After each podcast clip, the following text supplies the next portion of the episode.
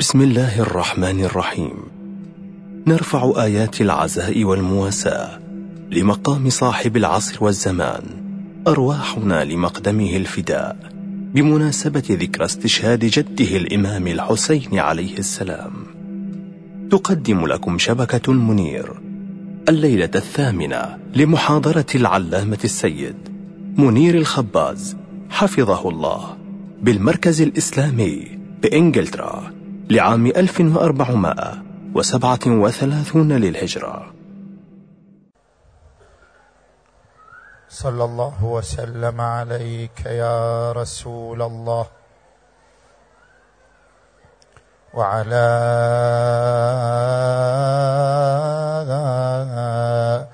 أهل بيتك المنتجبين يا ليتنا كنا معكم فنفوز فوزا عظيما.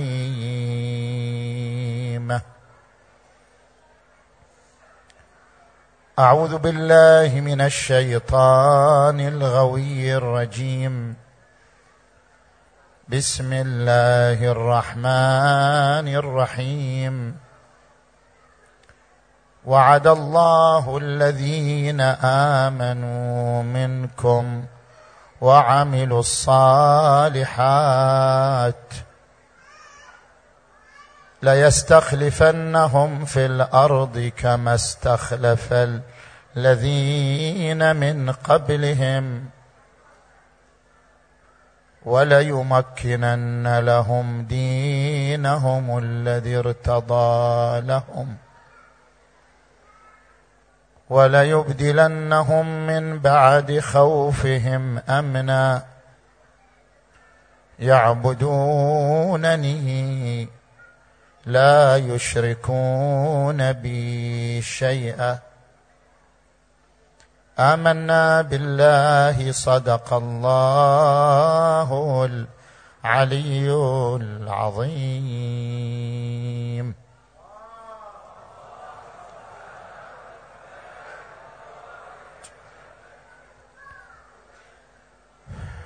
انطلاقا من الآية المباركة نتحدث عن القضية المهدوية. ما هو منشأ القضية المهدوية؟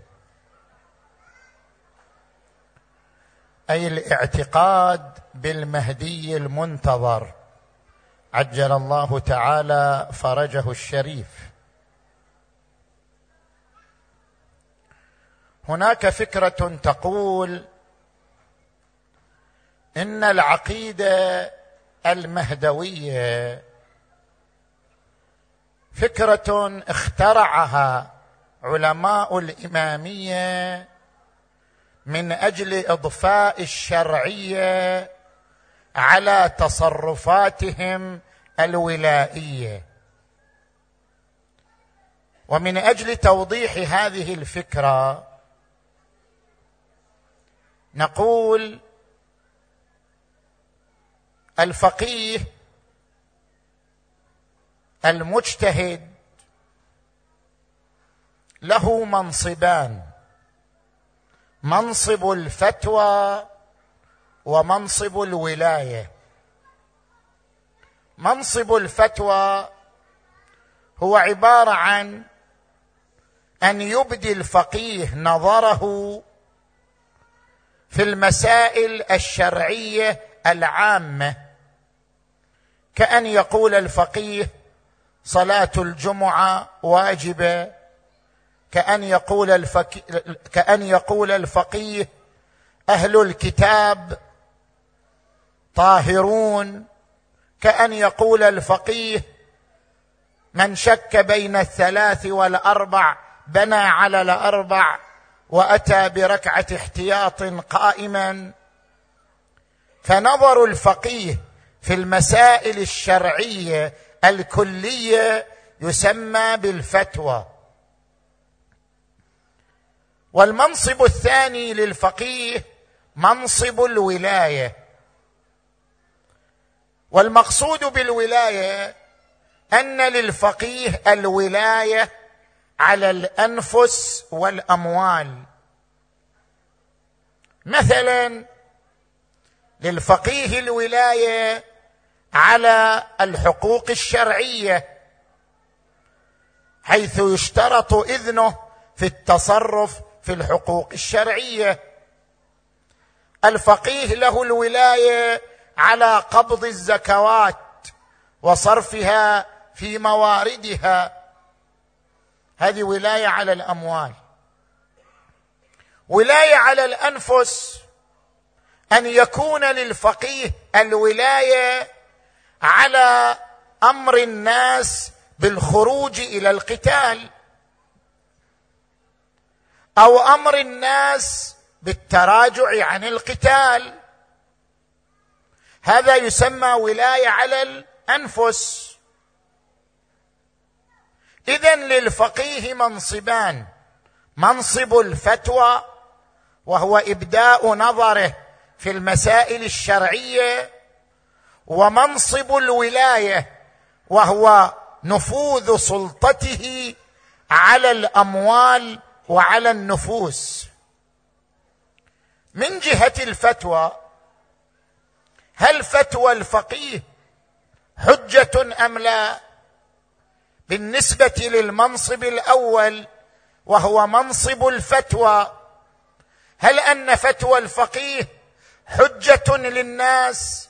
بمعنى أن عمل الناس بهذه الفتوى معذر لهم أمام الله تبارك وتعالى أم لا؟ نعم.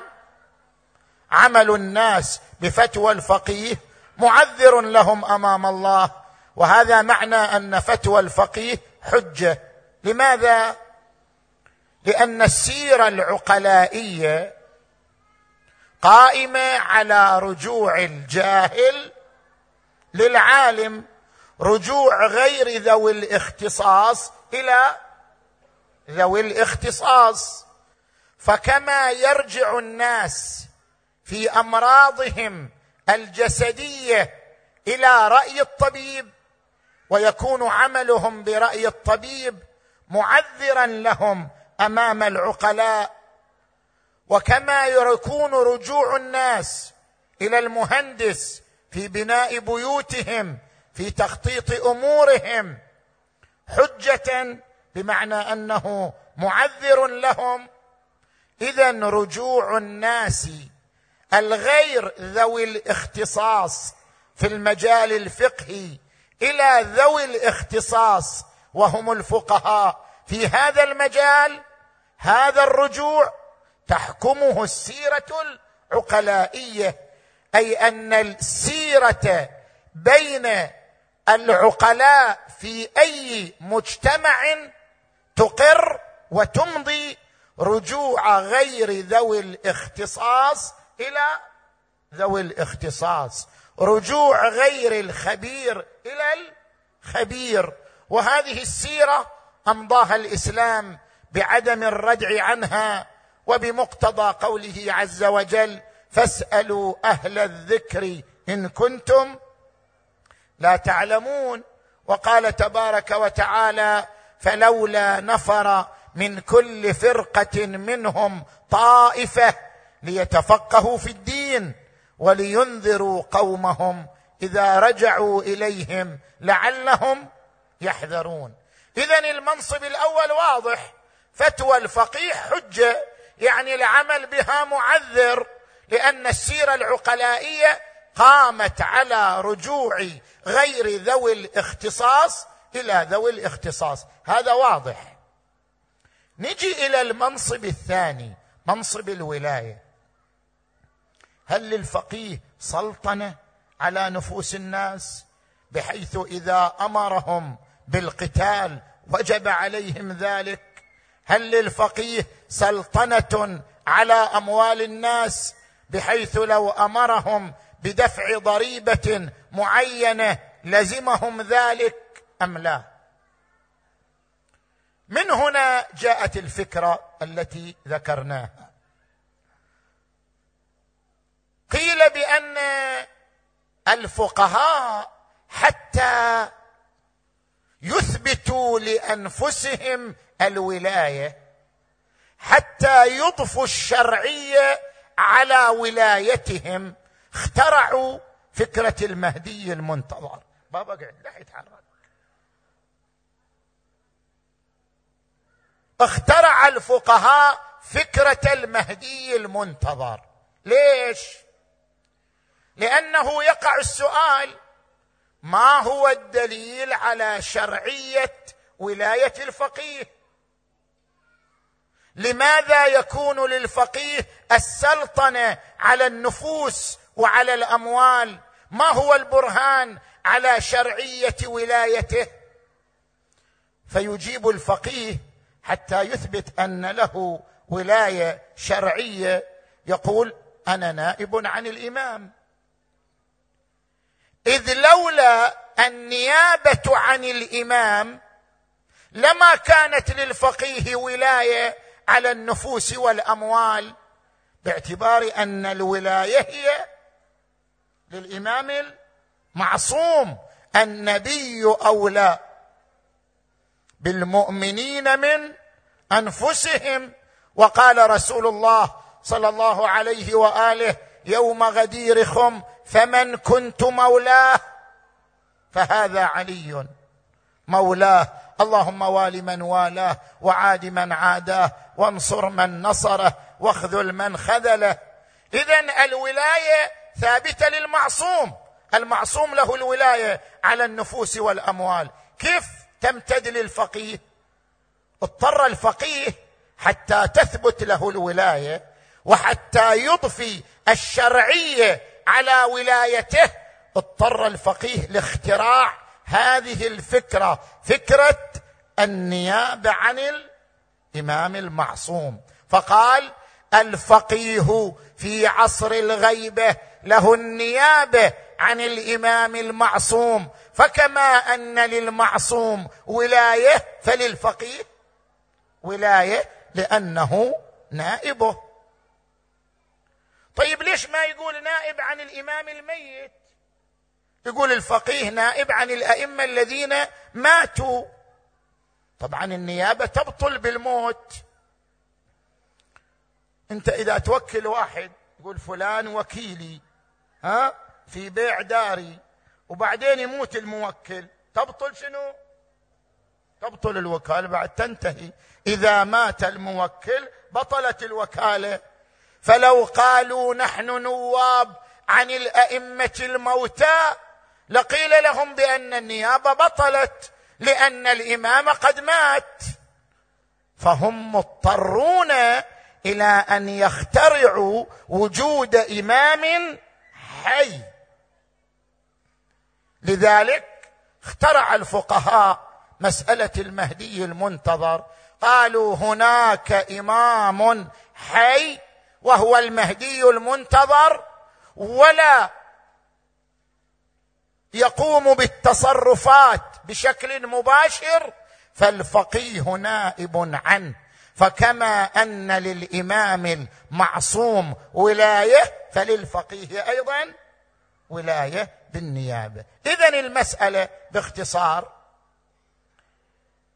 فكرة المهدي المنتظر فكرة مخترعة من فقهاء الإمامية لإضفاء الشرعية على تصرفاتهم الولايتية لإضفاء الشرعية على منصب الولاية الذي ادعوا ثبوته لهم.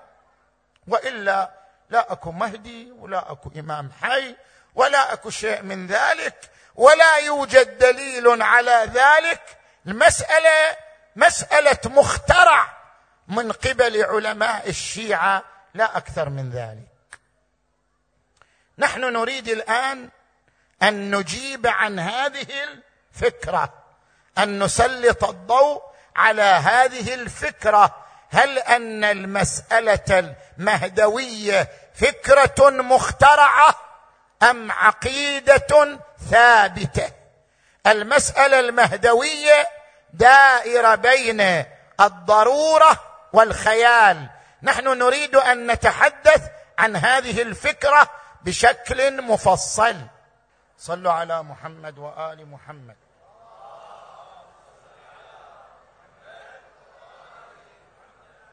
إن القضية المهدوية ذات أبعاد مختلفة. ونحن نتكلم عن كل بعد من هذه الأبعاد. البعد الفلسفي. هل أن اليوم الموعود وهو يوم ظهور الحق وهو يوم انتصار القيم والفضيلة هل هو أمر يفرضه العقل أم لا؟ هل العقل يفرض علينا أن نعتقد بيوم موعود بيوم ينتصر فيه الحق على الباطل والفضيلة على الرذيلة أم أن العقل لا يحكم بذلك؟ وبعبارة أخرى هل أن مسيرة الحياة مسيرة هادفة أم غير هادفة؟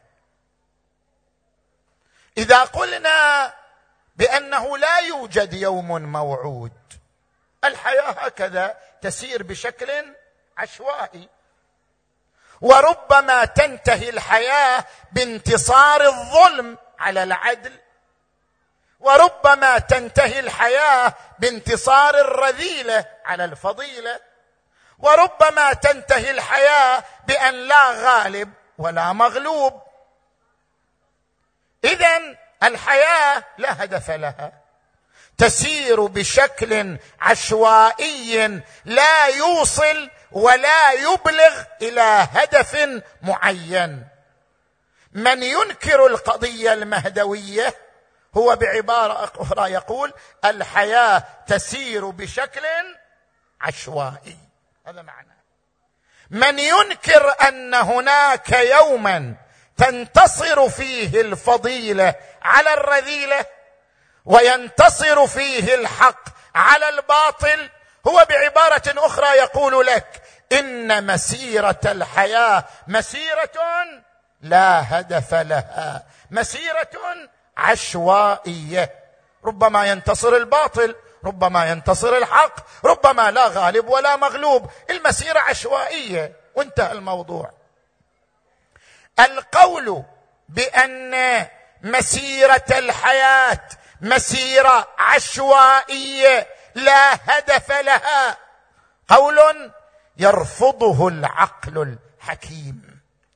فإن العقل الحكيم يقول خلقت الحياة لكي تصل إلى هدف ولو لم تصل إلى هدف لكان خلق الحياة عبثا لكان خلق الحياة لغوا واللغو قبيح والقبيح لا يصدر. من الحكيم تبارك وتعالى مقتضى الحكمة أن يضع هدفا للحياة. مقتضى أن الله حكيم أن يضع هدفا للحياة. فلو لم يضع هدفا للحياة وتركها تسير بشكل عشوائي لكان ذلك لغوا وعبثا لا ينسجم مع كونه تعالى حكيما. لذلك جاءت الآيات القرآنية تؤكد على هذا البعد الفلسفي أن للحياة هدف. تبارك الذي بيده الملك وهو على كل شيء قدير الذي خلق الموت والحياة ليبلوكم أيكم أحسن عملا. يعني لكي تصلوا إلى الكمال إلى الأحسن. قال تبارك وتعالى في آية أخرى هو الذي أرسل رسوله بالهدى ودين الحق ليظهره على الدين كله ولو كره المشركون. وقال تعالى وما خلقنا السماوات والأرض وما بينهما لاعبين ما عندنا لعب. كلها السماء والأرض والدنيا كلها تمشي بشكل عشوائي ما في هدف. وما خلقنا السماوات والأرض وما بينهما لاعبين. لو أردنا أن نتخذ لهوا لاتخذناه من لدنا انا كنا فاعلين. اذا البعد الفلسفي يفترض أن للحياة هدفا وهو انتصار الفضيلة على الرذيلة. فاليوم الموعود يوم يفرضه العقل يفرضه المنطق العقلائي. نجي الآن إلى البعد الآخر البعد القرآني.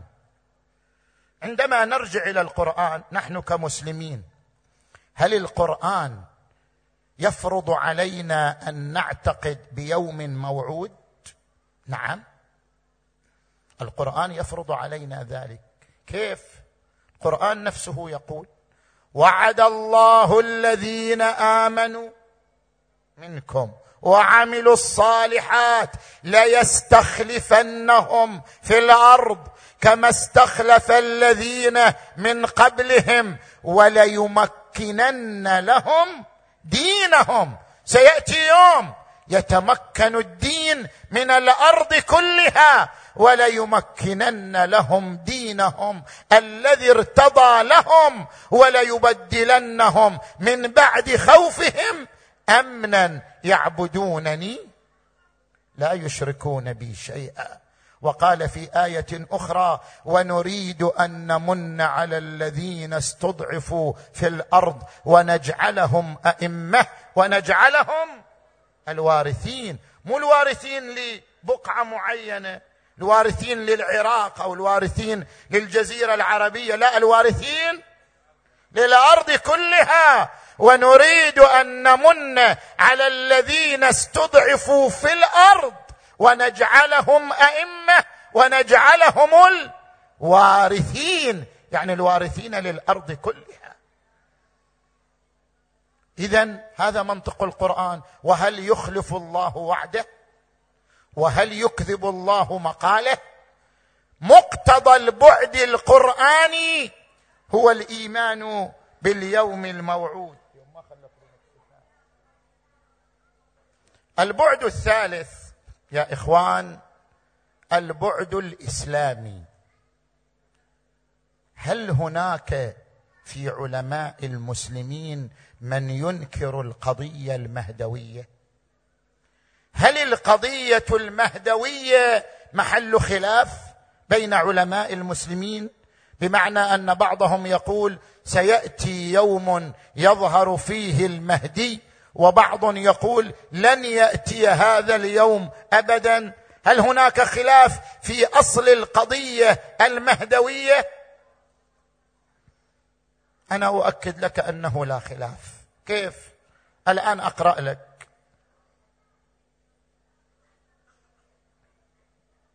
حاول ابن خلدون في مقدمته أن ينكر القضية المهدوية. محتجا بحديث موضوع في سنن ابن ماجه قال لا مهدي. حديث منسوب إلى النبي لا مهدي إلا عيسى.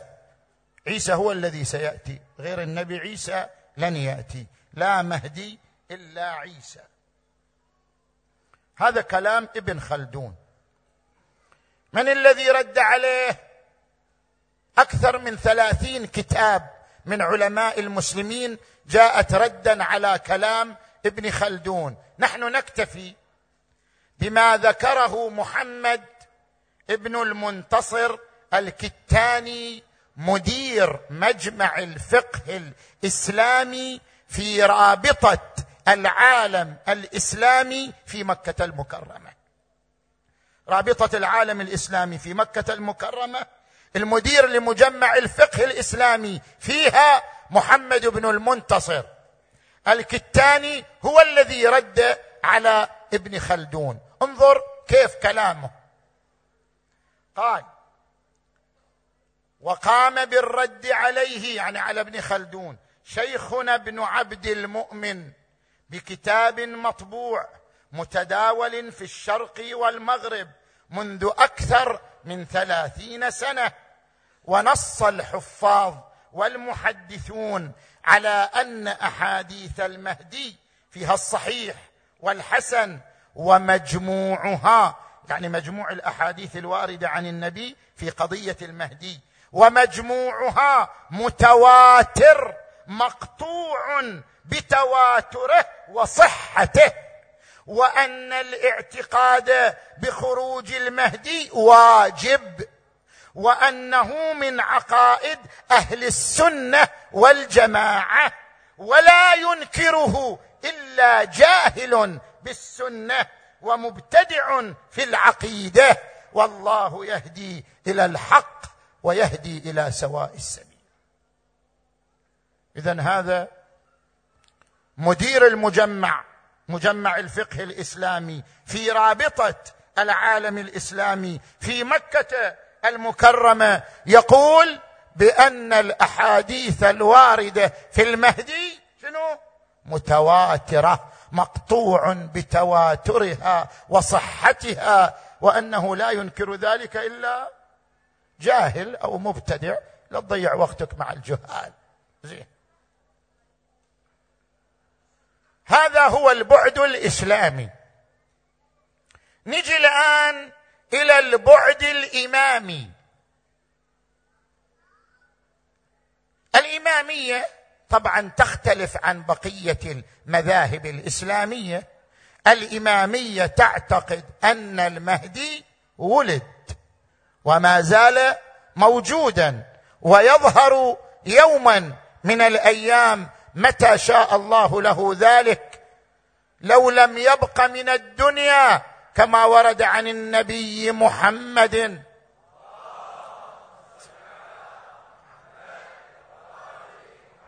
لو لم يبق من الدنيا إلا يوم لبعث الله رجلا من أهل بيتي اسمه اسمي يملأ الأرض قسطا وعدلا كما ملئت ظلما وجورا. البعد الإمامي يستند إلى ماذا؟ العقيدة بالإمامة تقتضي العقيدة بالمهدي. ما في تفكيك. هناك ملازمة بين الاعتقاد بالإمامة والاعتقاد بالمهدي. من ينكر القضية المهدوية لا بد أن ينكر الإمامة. هناك ملازمة بينهما لا يمكن لك أن تفكك بين العقيدتين.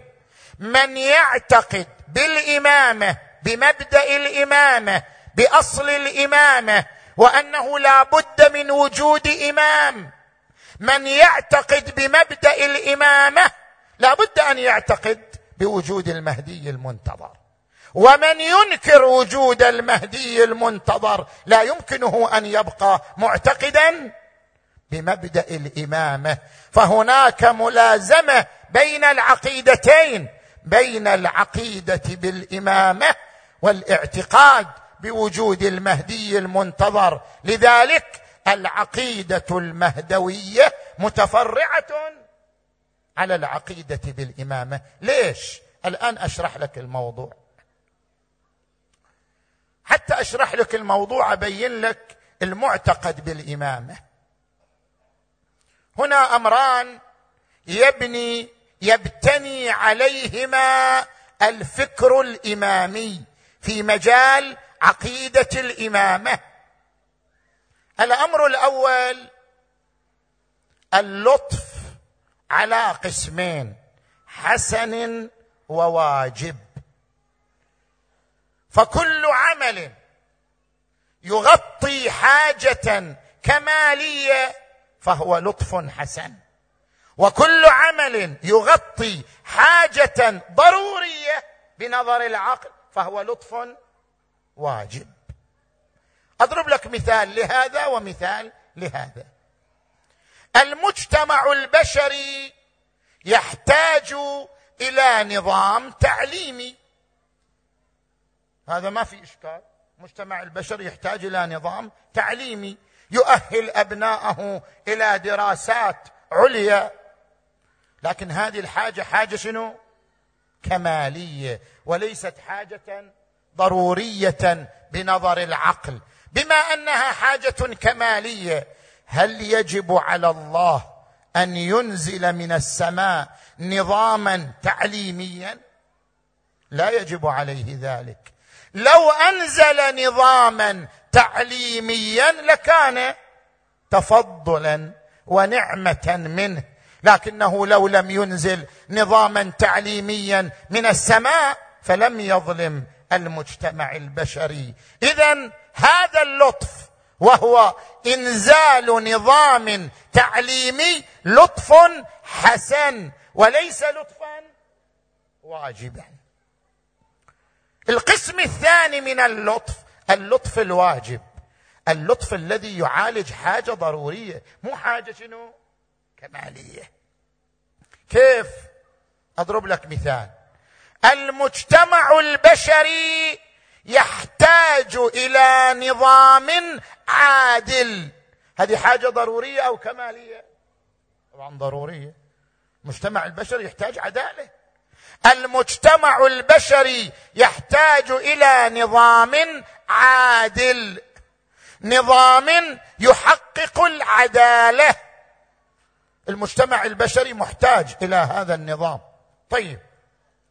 إذا كان المجتمع البشري محتاجا إلى نظام عادل فإنزال هذا النظام من السماء على المجتمع البشري لطف. لكنه لطف شنو؟ واجب. ليش لطف واجب؟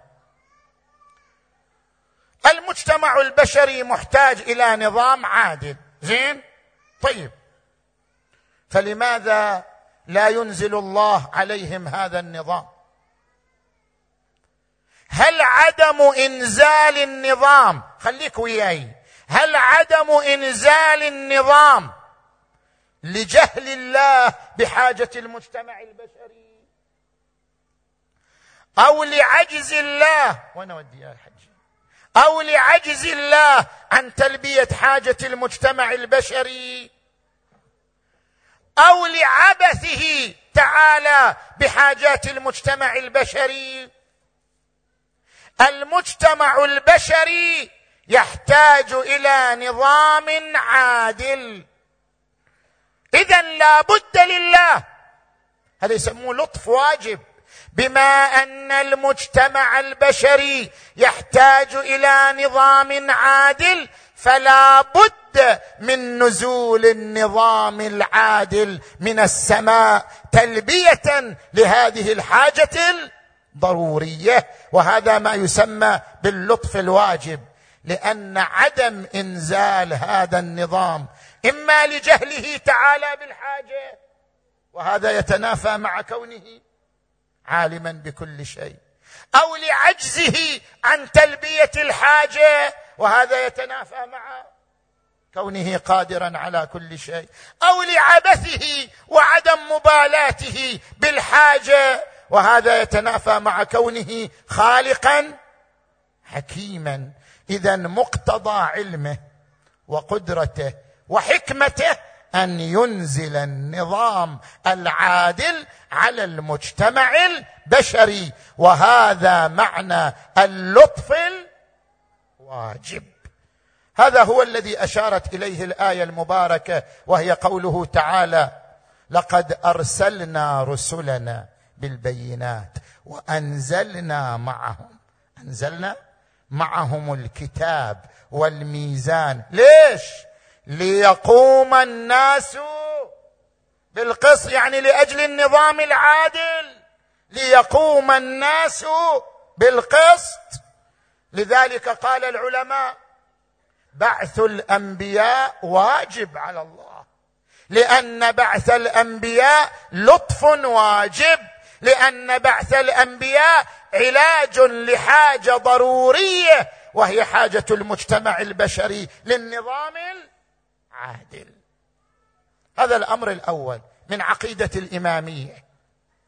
الأمر الثاني كما يحتاج المجتمع البشري حاجة ضرورية للأنبياء بحيث يكون بعث الأنبياء واجبا يحتاج المجتمع البشري حاجة ضرورية لوجود الإمام.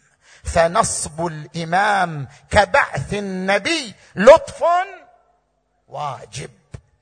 ليش نصب الإمام كبعث النبي لطف واجب؟ هل من المعقول؟ تجاوبني. نزول نظام عادل من السماء لا بد منه. لكن حفظ هذا النظام لا بد منه أم لا؟ يعني ينزل النظام يتركه من دون حفظ يصير؟ ينزل النظام من السماء ويدعه بدون حفظ. هذا نقض للغرض. إذا كان هدفه تعالى من إنزال النظام العادل تلبية حاجة المجتمع البشري فلكي يحافظ على هدفه لا بد من قيامه بحفظ ذلك النظام. فلا يكفي نزول النظام من دون حفظه. اذا التفت معي جيدا كما اقتضت كما اقتضت حاجة المجتمع البشري نزول نظام عادل اقتضت حاجة المجتمع البشري المحافظة على النظام العادل حتى يحقق هدفه. فمن يحفظ النظام العادل؟ النبي وظيفته تبليغ النظام العادل. وهناك دور آخر لشخص آخر بعد النبي وهو دوره شنو؟ حفظ النظام العادل. فكما أن هناك حاجة ضرورية لنزول نظام عادل لذلك صار بعث الأنبياء واجبا كذلك هناك حاجة ضرورية لحفظ النظام العادل. لذلك صار نصب الأئمة لطفا واجبا. فاللطف الواجب كما اقتضى النبوة اقتضى الامامه ليش فقهاء الشيعة يقولوا الامامه أصل من أصول الدين؟ شنو معنى أصل من أصول الدين؟ يعني الدليل الذي اقتضى ضرورة النبوة هو نفسه الدليل الذي اقتضى ضرورة الإمامة. دليل واحد وهو أن اللطف واجب. ما في عندنا دليلين. الدليل الذي جعل النبوة أصلا هو الدليل الذي جعل الإمامة أصلا. اذا بناء على ذلك. وسيأتي أذكر لك الروايات. أنا ترى ما أنا مستعجل. سيأتي أذكر لك الروايات. كما أن النبوة لطف واجب على الله تبارك وتعالى. كذلك الإمامة لطف واجب على الله تبارك وتعالى. النبي محمد.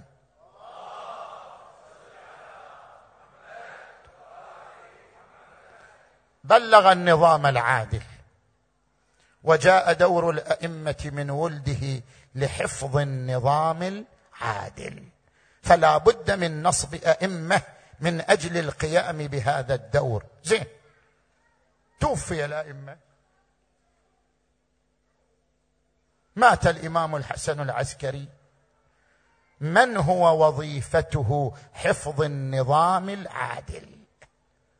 بحيث لا يقع فيه تحريف ولا تزييف.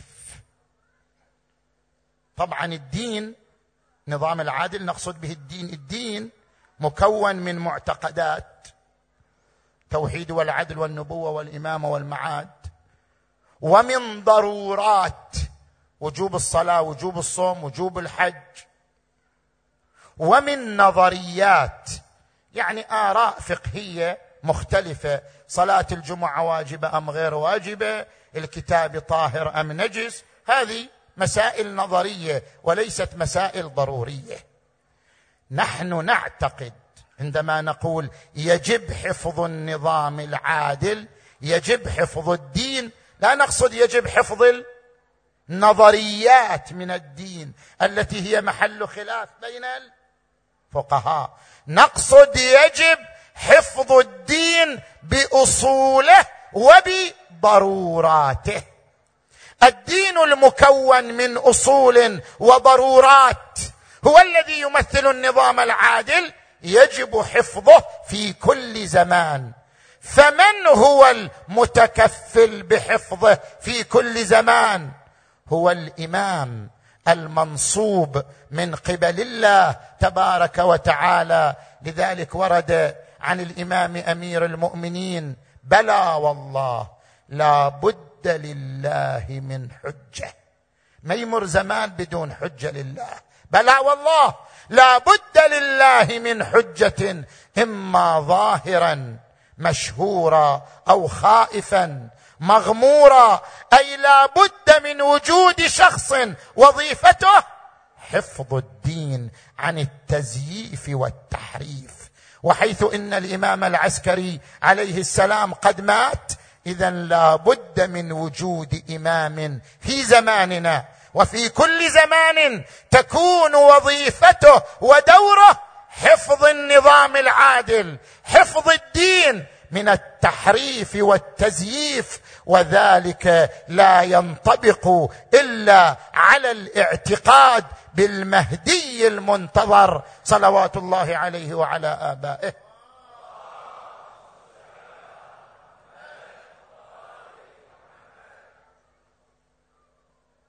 والا منه يقدر من المسلمين يقول أنا. ترى أنا الإمام. ها أحد يقدر؟ شوف المسلمين كلهم بجميع مذاهبهم بجميع علمائهم بجميع مراجعهم. أحد يقدر يدعي هذا المنصب؟ قل ترى أنا أنا أنا أنا الذي أقوم بهذه المسؤولية وبهذا المنصب ألا وهو حفظ النظام العادل؟ لا يستطيع أن يدعي هذا المنصب أحد. الإمام المعصوم هو المتكفل بهذا الدور وهو حفظ الدين عن التزييف والتحريف. متى تعرض الدين لانتكاسه؟ متى تعرض الدين لغزو فكري؟ متى تعرض الدين لهزة يتصدى الإمام وهو غائب؟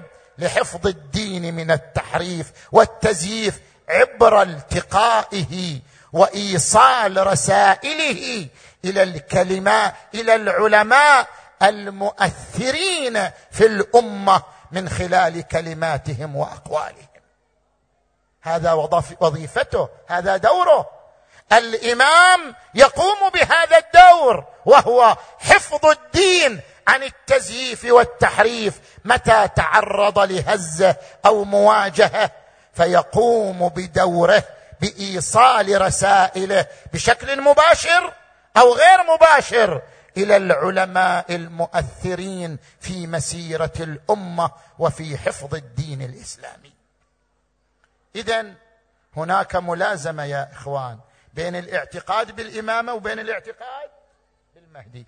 إذا تعتقد بمبدأ الإمامة من كان معتقدا بمبدأ الإمامة فهو معتقد بوجود إمام حافظ للدين في كل زمان. فلا بد أن يعتقد بالمهدي المنتظر المتكفل لحفظ الدين في زماننا هذا وفي كل زمان إلى موعد ظهوره عجل الله تعالى فرجه الشريف.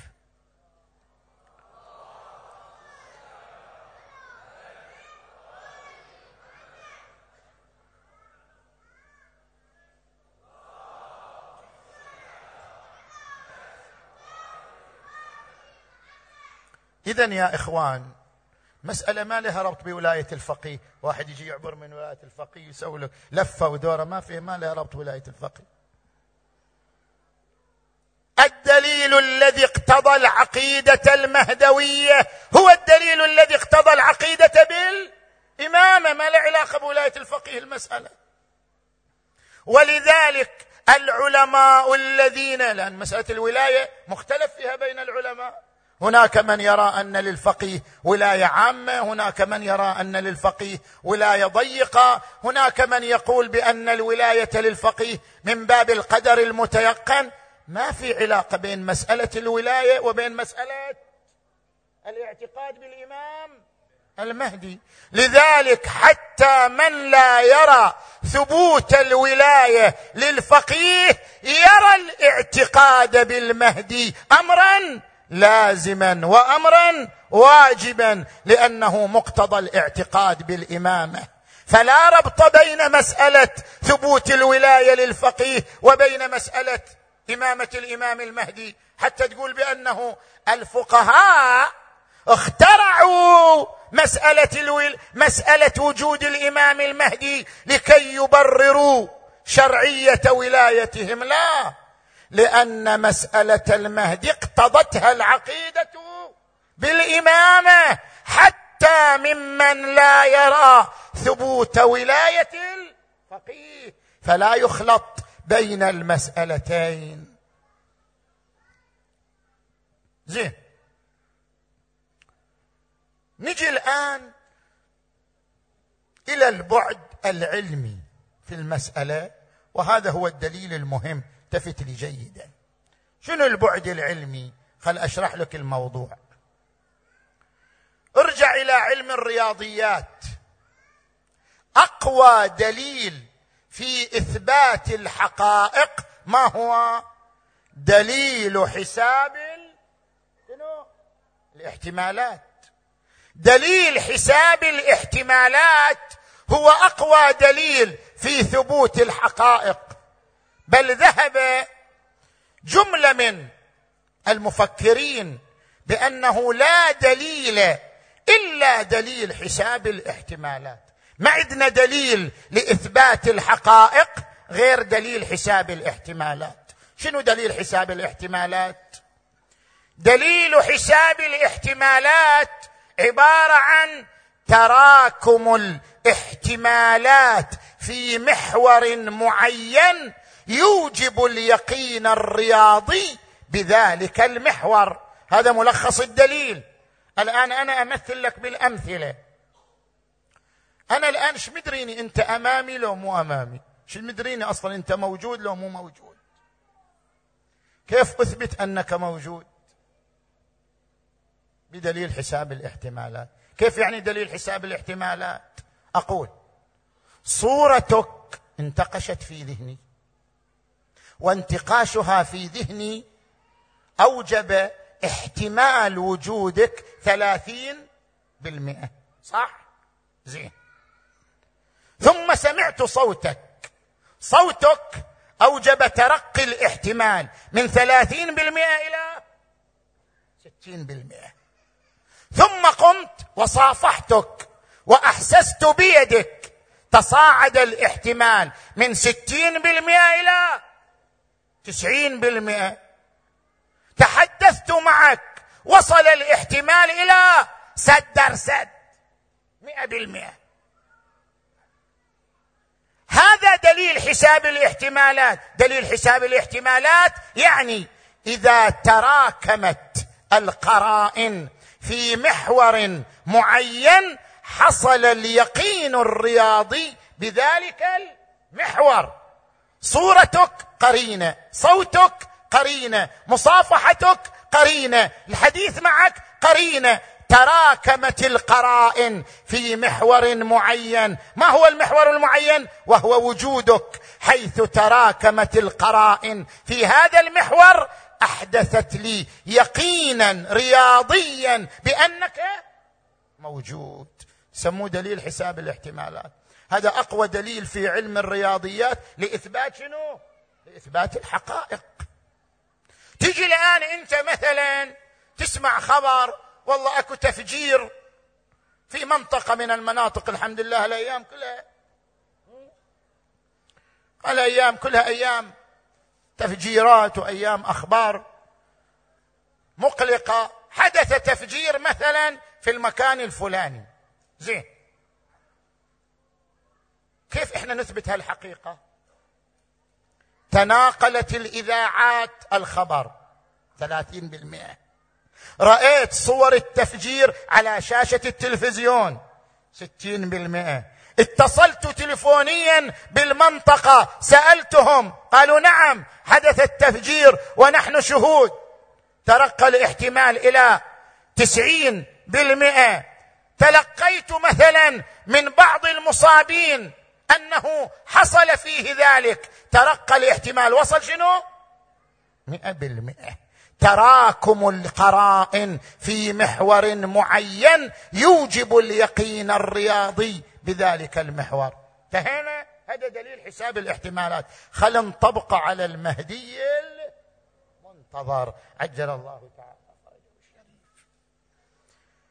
نريد أن نطبق هذا الدليل الرياضي. وهو دليل حساب الاحتمالات لإثبات هذه الحقيقة وهي وجود المهدي المنتظر. عجل الله تعالى فرجه الشريف. نجي نتكلم عن القرائن قرائن المختلفة. زين. القرينة الأولى. ما دل على أن لكل جيل إمام. عندنا أدلة تدل كل جيل لازم إلى شنو؟ إمام. اقرأ. قال تبارك وتعالى يخاطب نبيه إنما أنت منذر ولكل قوم هاد. كل جيل لازم إلى هادي. يتكفل منصب الهداية. إنما أنت منذر ولكل قوم هاد. لابد من وجود هاد. وقال تبارك وتعالى يوم ندعو كل أناس بإمامهم كل جيل لهم إمام. والإمام ينصرف إلى الإمام الحق فمن هو إمام هذا الزمان؟ ومن هو إمام هذا الجيل الذي يتكفل حفظ الشريعة؟ لاحظوا ما ورد في مسند أحمد بن حنبل ومستدرك الحاكم وسنن النساء والمعجم الأوسط للطبراني عن النبي محمد.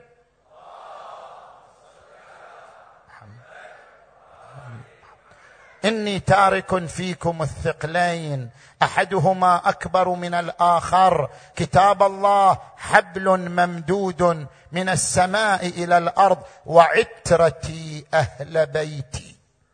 هذا أحمد بن حنبل يرويه بحديث صحيح وعترتي أهل بيتي وإنهما لن لن يفترقا حتى يردا علي الحوض. بعد الحديث واضح الدلالة.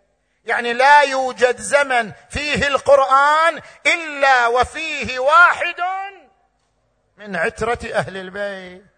حديث واضح الدلالة. لا يمر زمن فيه القرآن إلا ومعه واحد من عترة أهل بيت النبي صلى الله عليه وآله وإنهما لن يفترقا حتى يردا علي الحوض وهذا لا ينطبق إلا على الاعتقاد بوجود المهدي المنتظر عجل الله تعالى فرجه الشريف.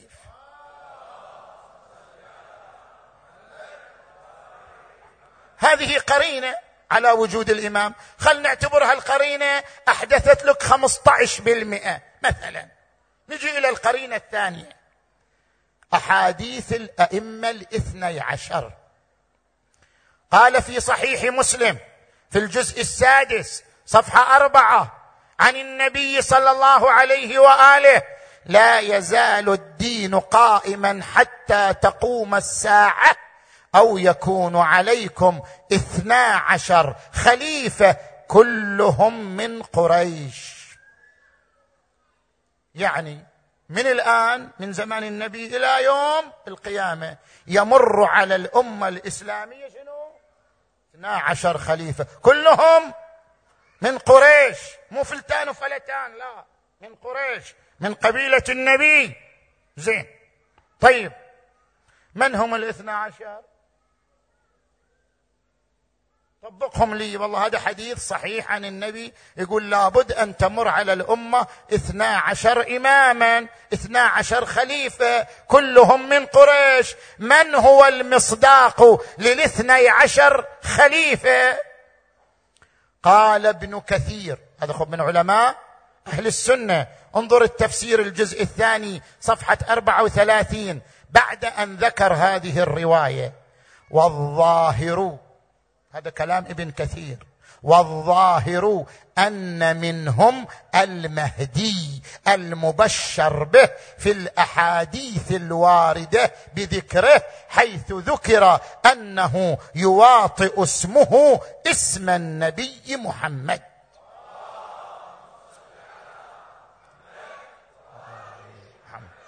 اذا وجود أئمة اثنا عشر إلى يوم القيامة يعني أن لا يمر زمان إلا ففيه شنو واحد من هؤلاء الخلفاء الاثني عشر فمن هو من هؤلاء الخلفاء الاثني عشر في زماننا؟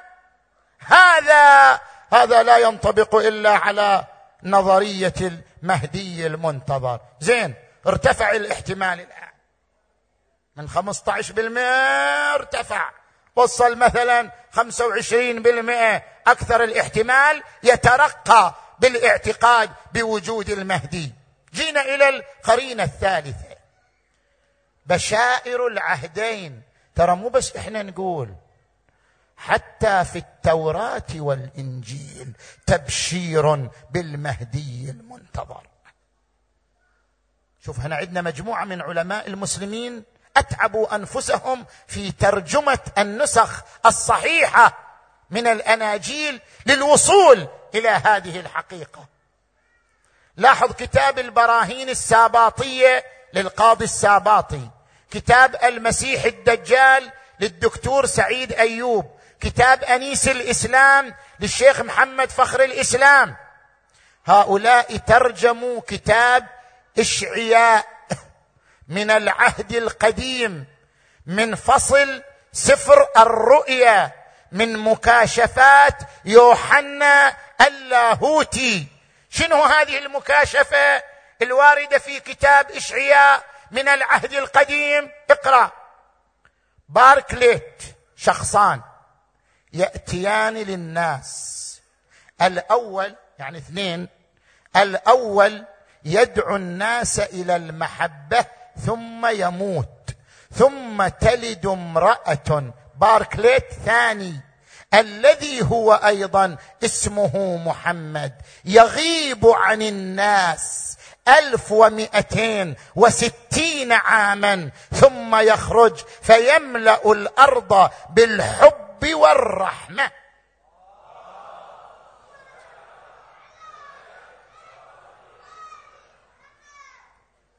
اذا هذه القرينة شنو؟ الثالثه اوجبت تصاعد الاحتمال بالاعتقاد بوجود المهدي المنتظر القرينة الرابعة. ارجع إلى زمن المهدي نفسه. المهدي ولد سنة 255 للهجرة. غيبته كانت سنة 260 للهجرة. كانت إلى غيبة صغرى يعني يتصل بناس معروفين وانتهت الغيبة الصغرى سنة ثلاثمائة وتسعة وعشرين. كان إلى سفراء أربعة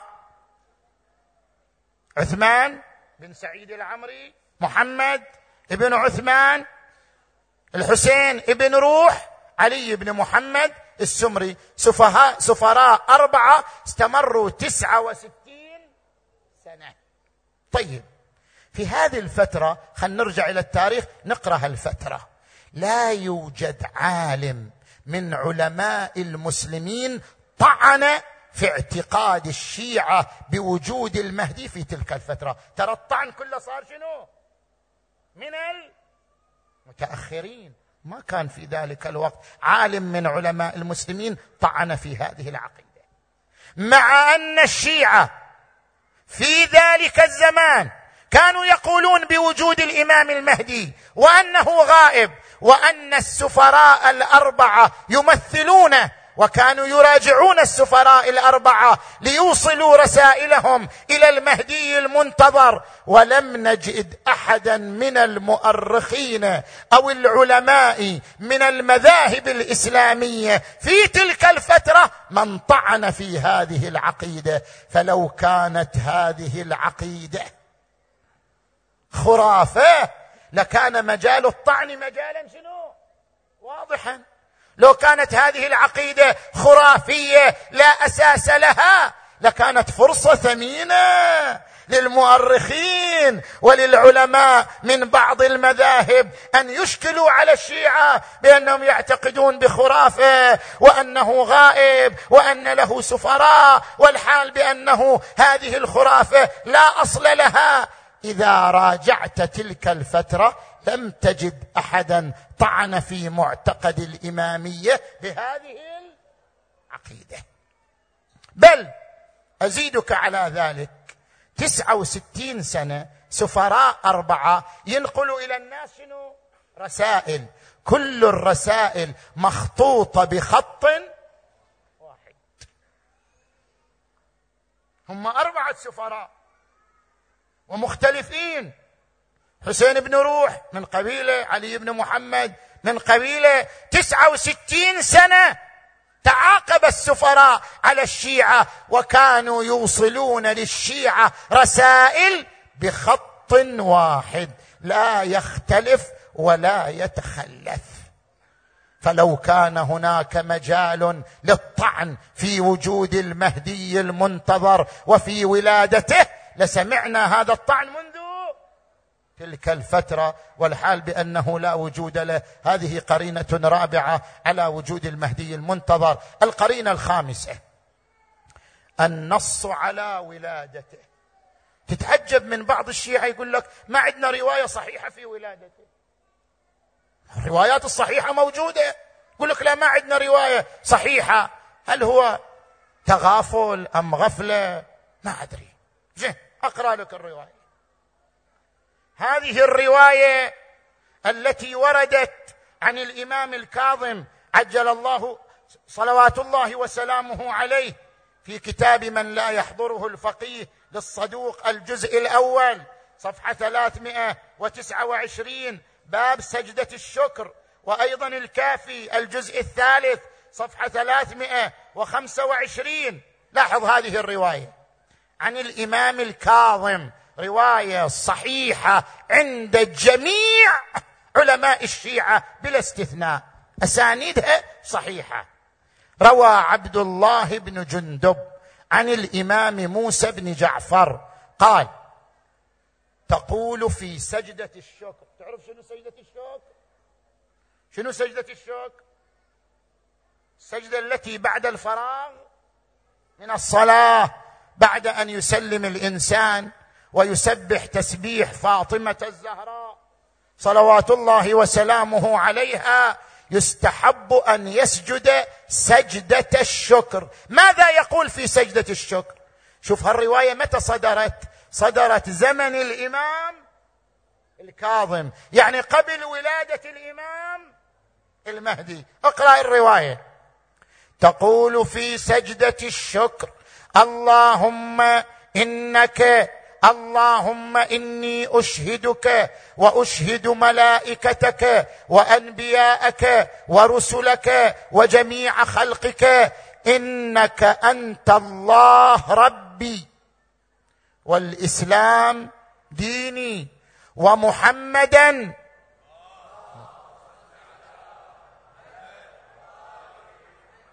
ومحمدا نبيي. وعليا والحسن والحسين وعلي بن الحسين ومحمد بن علي وجعفر بن محمد وموسى بن جعفر. إلى موسى بن جعفر واضح. بعد ما بعد موسى كيف علم موسى بن جعفر؟ كيف يعلم موسى بن جعفر بأسمائهم وأنهم حجج الله؟ وعلي بن موسى ومحمد بن علي وعلي بن محمد والحسن بن علي والحجة بن الحسن بن علي ائمتي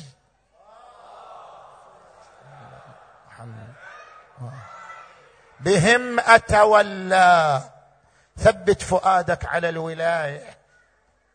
ثبت فؤادك على الولاية. بهم أتولى. ومن أعدائهم أتبرأ. هذا من متى؟ زمن الإمام الكاظم. يبشر بالمهدي بالحجة بن الحسن بن علي صلوات الله وسلامه عليه وعلى آبائه الطيبين الطاهرين. زين. بعد وين وصلنا في الاحتمال؟ بعد هالقرائن كلها وين وصل الاحتمال؟ سبعين ثمانين يلا. القرينة السادسة. اعتراف علماء النسب. طيب هذه المسألة مو كل علم إلى أهل اختصاص. صح لو لا؟ ليش تدخل نفسك في اختصاص؟ ما أنت من أهله كل مسألة لها اختصاص. مسألة الفقهية ترجع للفقهاء. مسألة الفلسفية ترجع للفلاسفة. مسألة الطبية ترجع للأطباء. المسألة التاريخية يرجع فيها لعلماء النسب. ارجع لعلماء الأنساب. ماذا يقولون عن المهدي؟ زين نرجع لعلماء الأنساب. يا إخوان أبو نصر سهل بن عبد الله البخاري من أعلام القرن الرابع الهجري. يعني القرن الذي القرن الذي غاب فيه المهدي المنتظر الغيبة الكبرى. هذا من أعلام ذلك القرن من نسابة ذلك القرن. في كتابه سر السلسلة العلوية قال ومحمد المهدي ابن الحسن العسكري ابن علي الهادي.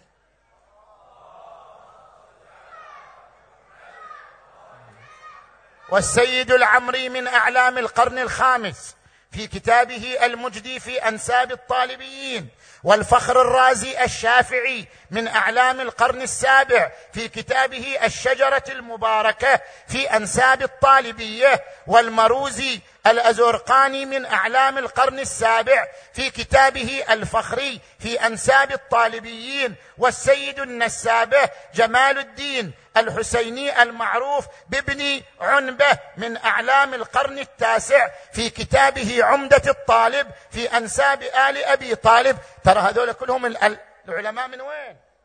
من مذهب أهل السنة والجماعة. بعد تقول من الشيعة.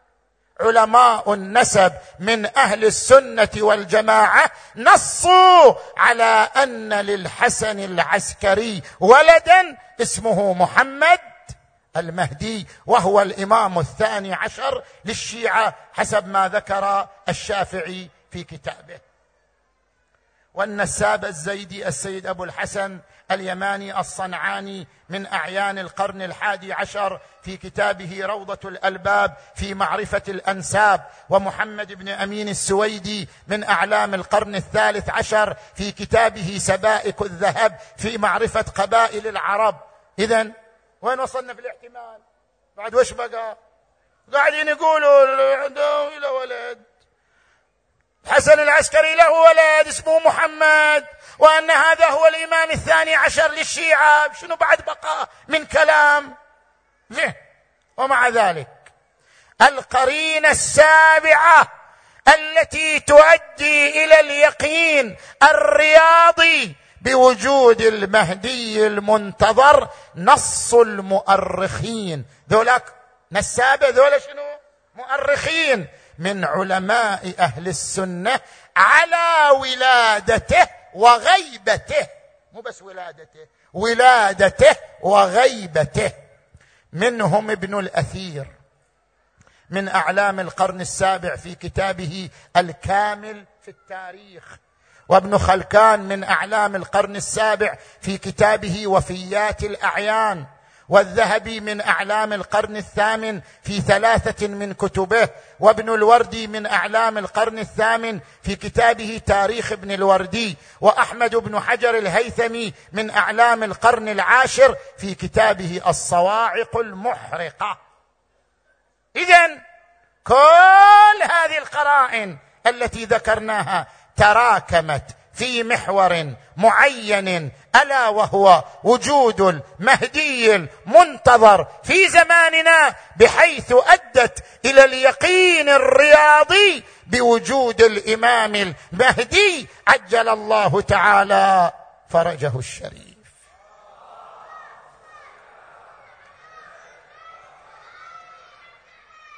نحن قبل أن خليك وياي قبل أن ندخل في المصيبة والعزاء نقرأ الدعاء. نتوسل بإمامنا المهدي. اولا شوفوا كثير من الإخوة الشيعة يقرأ الدعاء وهو شنو؟ دعاء الفرج. اللهم كن لوليك. الأفضل أن تقرأ مع الدعاء الآية أمن يجيب المضطر. ليش؟ لأن الروايات قالت المضطر هو مهدي آل محمد. فأنت من تقول أمن يجيب المضطر؟ تقرأ شنو؟ تتحدث عن لسان الإمام نفسه فهو المضطر. أنت ما تقرأ في دعاء الندبة؟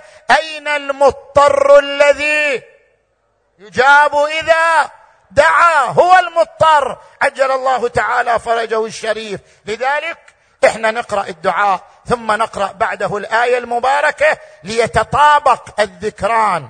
بسم الله الرحمن الرحيم. أمان انت واقف وقف واقف تحرك شوية. أمن يجيب المضطر إذا دعاه أمن يجيب بصوت أعلى بصوت أعلى. أمن يجيب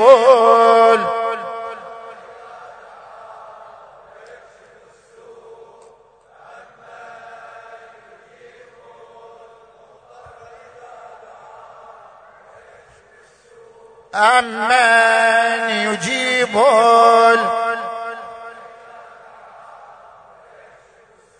اللهم صل على محمد وآل محمد. اللهم كن لوليك الحجة ابن الحسن. صلواتك عليه في هذه وفي كل وليا وقائدا ودليلا حتى تسكنه وتمتعه فيها طويلا. اللهم بحقه عندك. اللي عنده حاجة يطلب حاجته. اللي عنده مهمة يطلب مهمته. اللهم بحقه عندك. وحق آبائه الطاهرين. اقض حوائجنا. وسهل أمورنا. وفرج عنا وعن المؤمنين والمؤمنات واشف مرضانا ومرضى المؤمنين والمؤمنات خصوصا المرضى المنظورين. يا الله وانصر إخواننا نصرا عزيزا. يا أرحم الراحمين.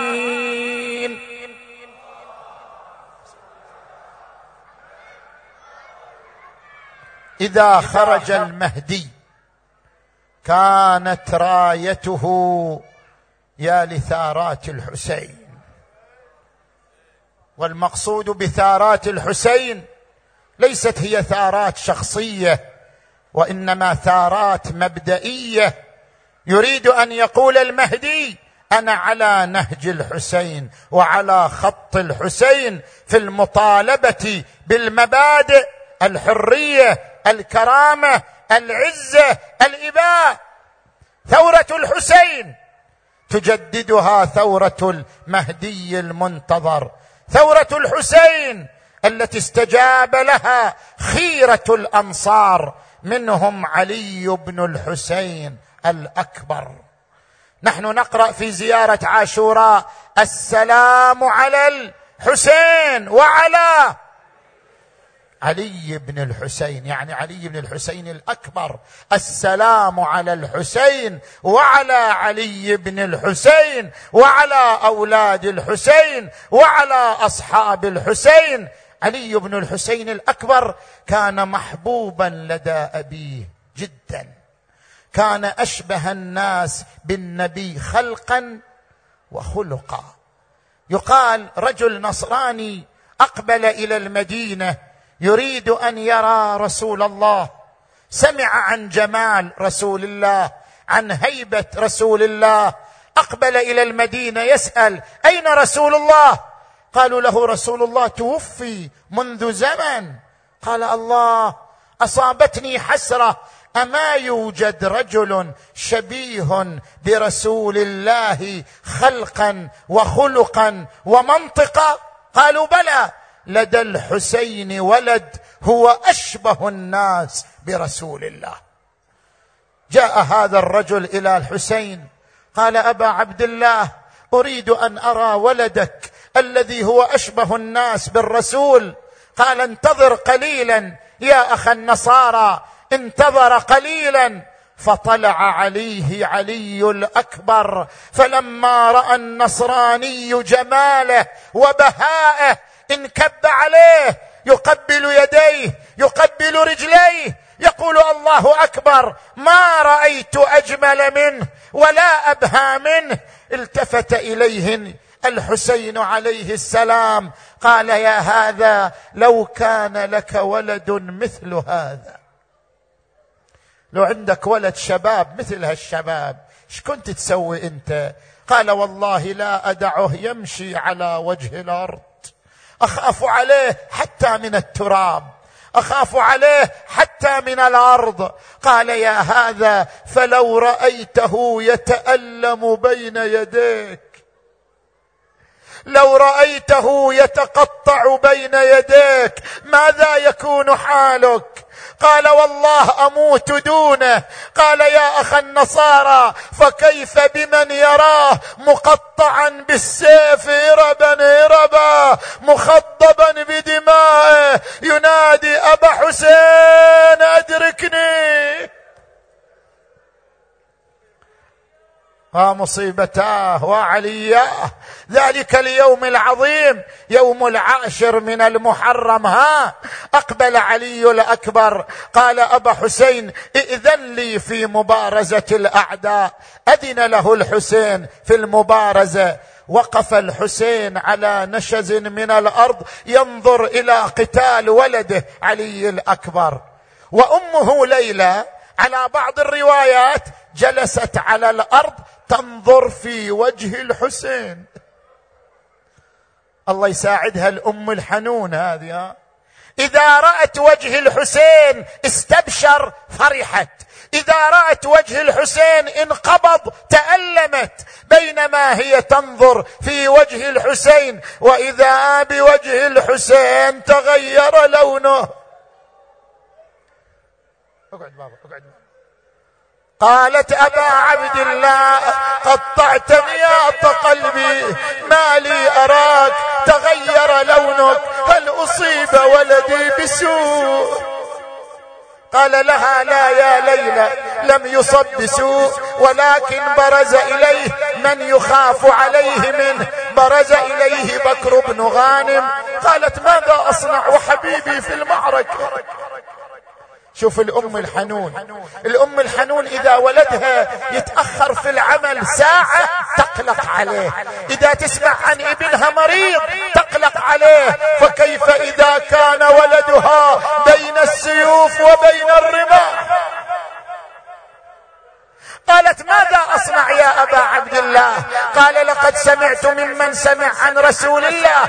دعاء الأمهات في حق أولادهن مستجاب. ادخلي خيمتك وادعي ربك. أقبلت المرأة الحنون إلى الخيمة. دخلت خيمتها. نشرت شعرها. رفعت يديها. إلهي اسمع الدعاء اسمع الدعاء. إلهي بحق عطش أبي عبد الله. إلهي بحق غربة أبي عبد الله. إلهي بحق وحدة أبي عبد الله. يا راد يوسف على يعقوب رد علي ولدي علي. دخلت الخيمة النجيبة وتوسلت لله بحبيب. يا راد يوسف من مغيبة ابني علي سالم تجي. عظم الله أجوركم ما أتمت دعاءها حتى انتصر علي الأكبر وقتل بكر بن غانم ورجع إلى الخيمات وين يروح علي الأكبر وقف على رأس والده الحسين. عنده مع والده الحسين؟ قال أبا حسين صيد الملوك. أرانب وثعالب وإذا برز فصيدي الأبطال. شو تريد بني يقول لها يقول له قطرة مايه عطشان عطشان. الشباب عطشان. وانت مع الشباب ها. يا أبويا قطرة الكبدي اتقوى وارد للميدان وحدي يا أبويا انقطع قلبي وحق جدي. عطش والشمس والميدان والحر. شي جاوب الحسين؟ يقول له منين أجيب الماء يا ابني؟ يقول له منين أجيب الماء يا ابني. ما هو حاجيك بغض حالي وشعبي يقول المؤرخون قال الحسين ادن مني فوضع لسانه في فمه فإذا هو كالخشبة اليابسة. تدري انت من شدة العطش والظما شنو صار؟ كانت شفاه بني هاشم تنزف دما تنزف دما من شدة العطش والظما. السلام على الشفاه الذابلات. السلام على الجسوم الناحلات. السلام على الوجوه المصفرة. وحسينا بني علي انتظر حتى تلقى جدك رسول الله فيسقيك شربة من الماء لا تظمأ بعدها أبدا. قال أبا حسين ائذن لي في الرجوع إلى المعركة. قال لا يا بني حتى تدخل على أمك. دخل على أمه ليلى وإذا هي مغشي عليها جلس عندها ضمها إلى صدره وعت من غشوتها. قالت هذه رائحة ولدي علي. بلى بلى أنا ولدك عليها بينما هي تضمه وتشمه وإذا بالصوت من خلف الخيمات أمام الناصر ينصرنا. أمام الذاب يذب عنا. قال أمة أريد أن أنصر والدي الحسين. قالت إذا عزمت على الرحيل فأقبل وأدبر مرارا حتى أتزود منك وأتودع من مشية الشباب. عظم الله أجوركم صار يذهب ويأتي فكلما أقبل عليها ضمته إلى صدرها ونادت في أمان الله. فلما عزم على الرحيل وقف بين الخيمات. نادى الحسين زينب ليلى سكينة تعالينا ودعنا الشباب. خرجنا النساء من الخيمات. هذه تضمه هذه تشمه هذه تقول ارحم غربتنا هذه تقول ارحم وحدتنا. أقبلت العقيلة زينب ضمته إلى صدرها. قالت ولدي علي أبلغ أمي فاطمة الزهراء. أبلغ أمي فاطمة الزهراء عني السلام وقل إن زينب غريبة. بكربلاء.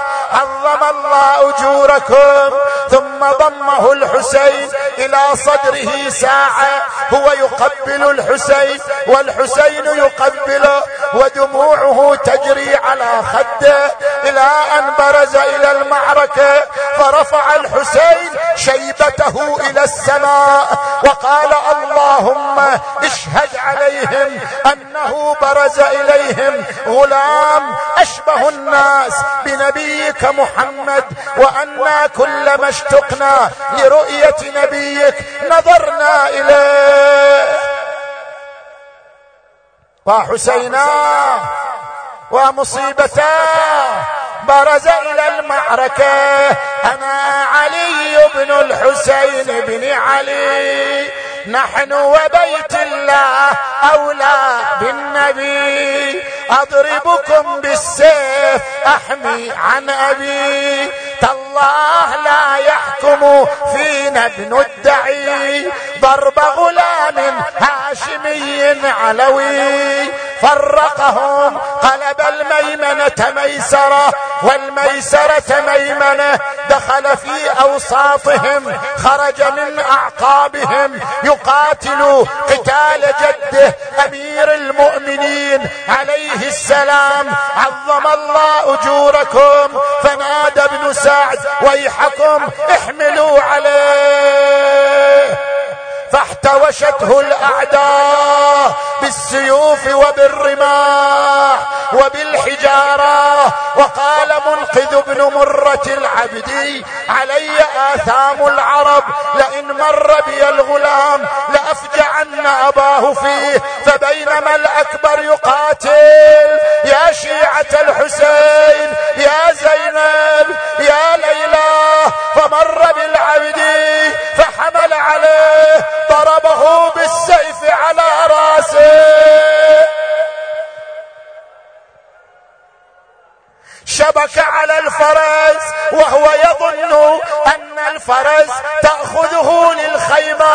أخذته الفرس للأعداء فاجتمعوا عليه. هذا يطعنه برمحه وهذا يضربه بسيفه وهذا يكزه بسهمه وهو يقول أبا حسين أبا حسين عليك مني السلام. هذا جدي رسول الله. سقاني شربة من الماء. لا أظمأ بعدها أبدا. يا شيعة الحسين فخرج الحسين من الخيمة مهرولا باكيا. فرق الأعداء عنه. وجد ولده مقطعا إرابا إرابا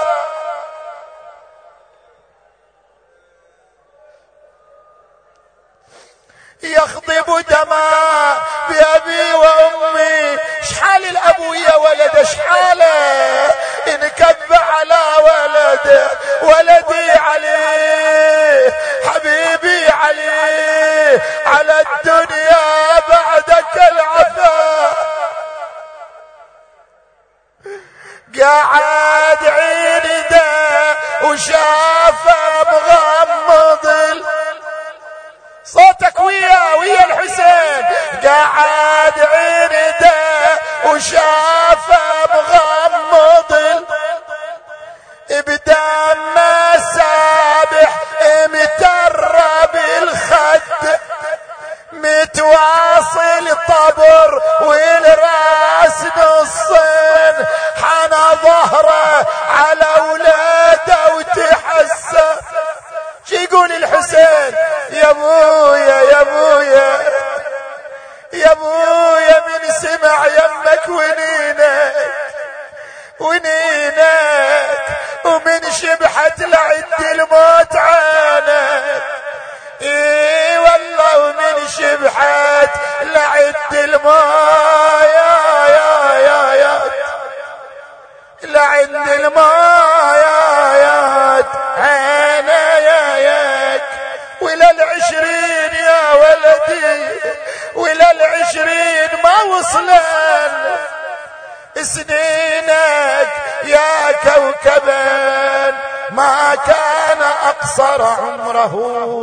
وكذا تكون كواكب الأسحار.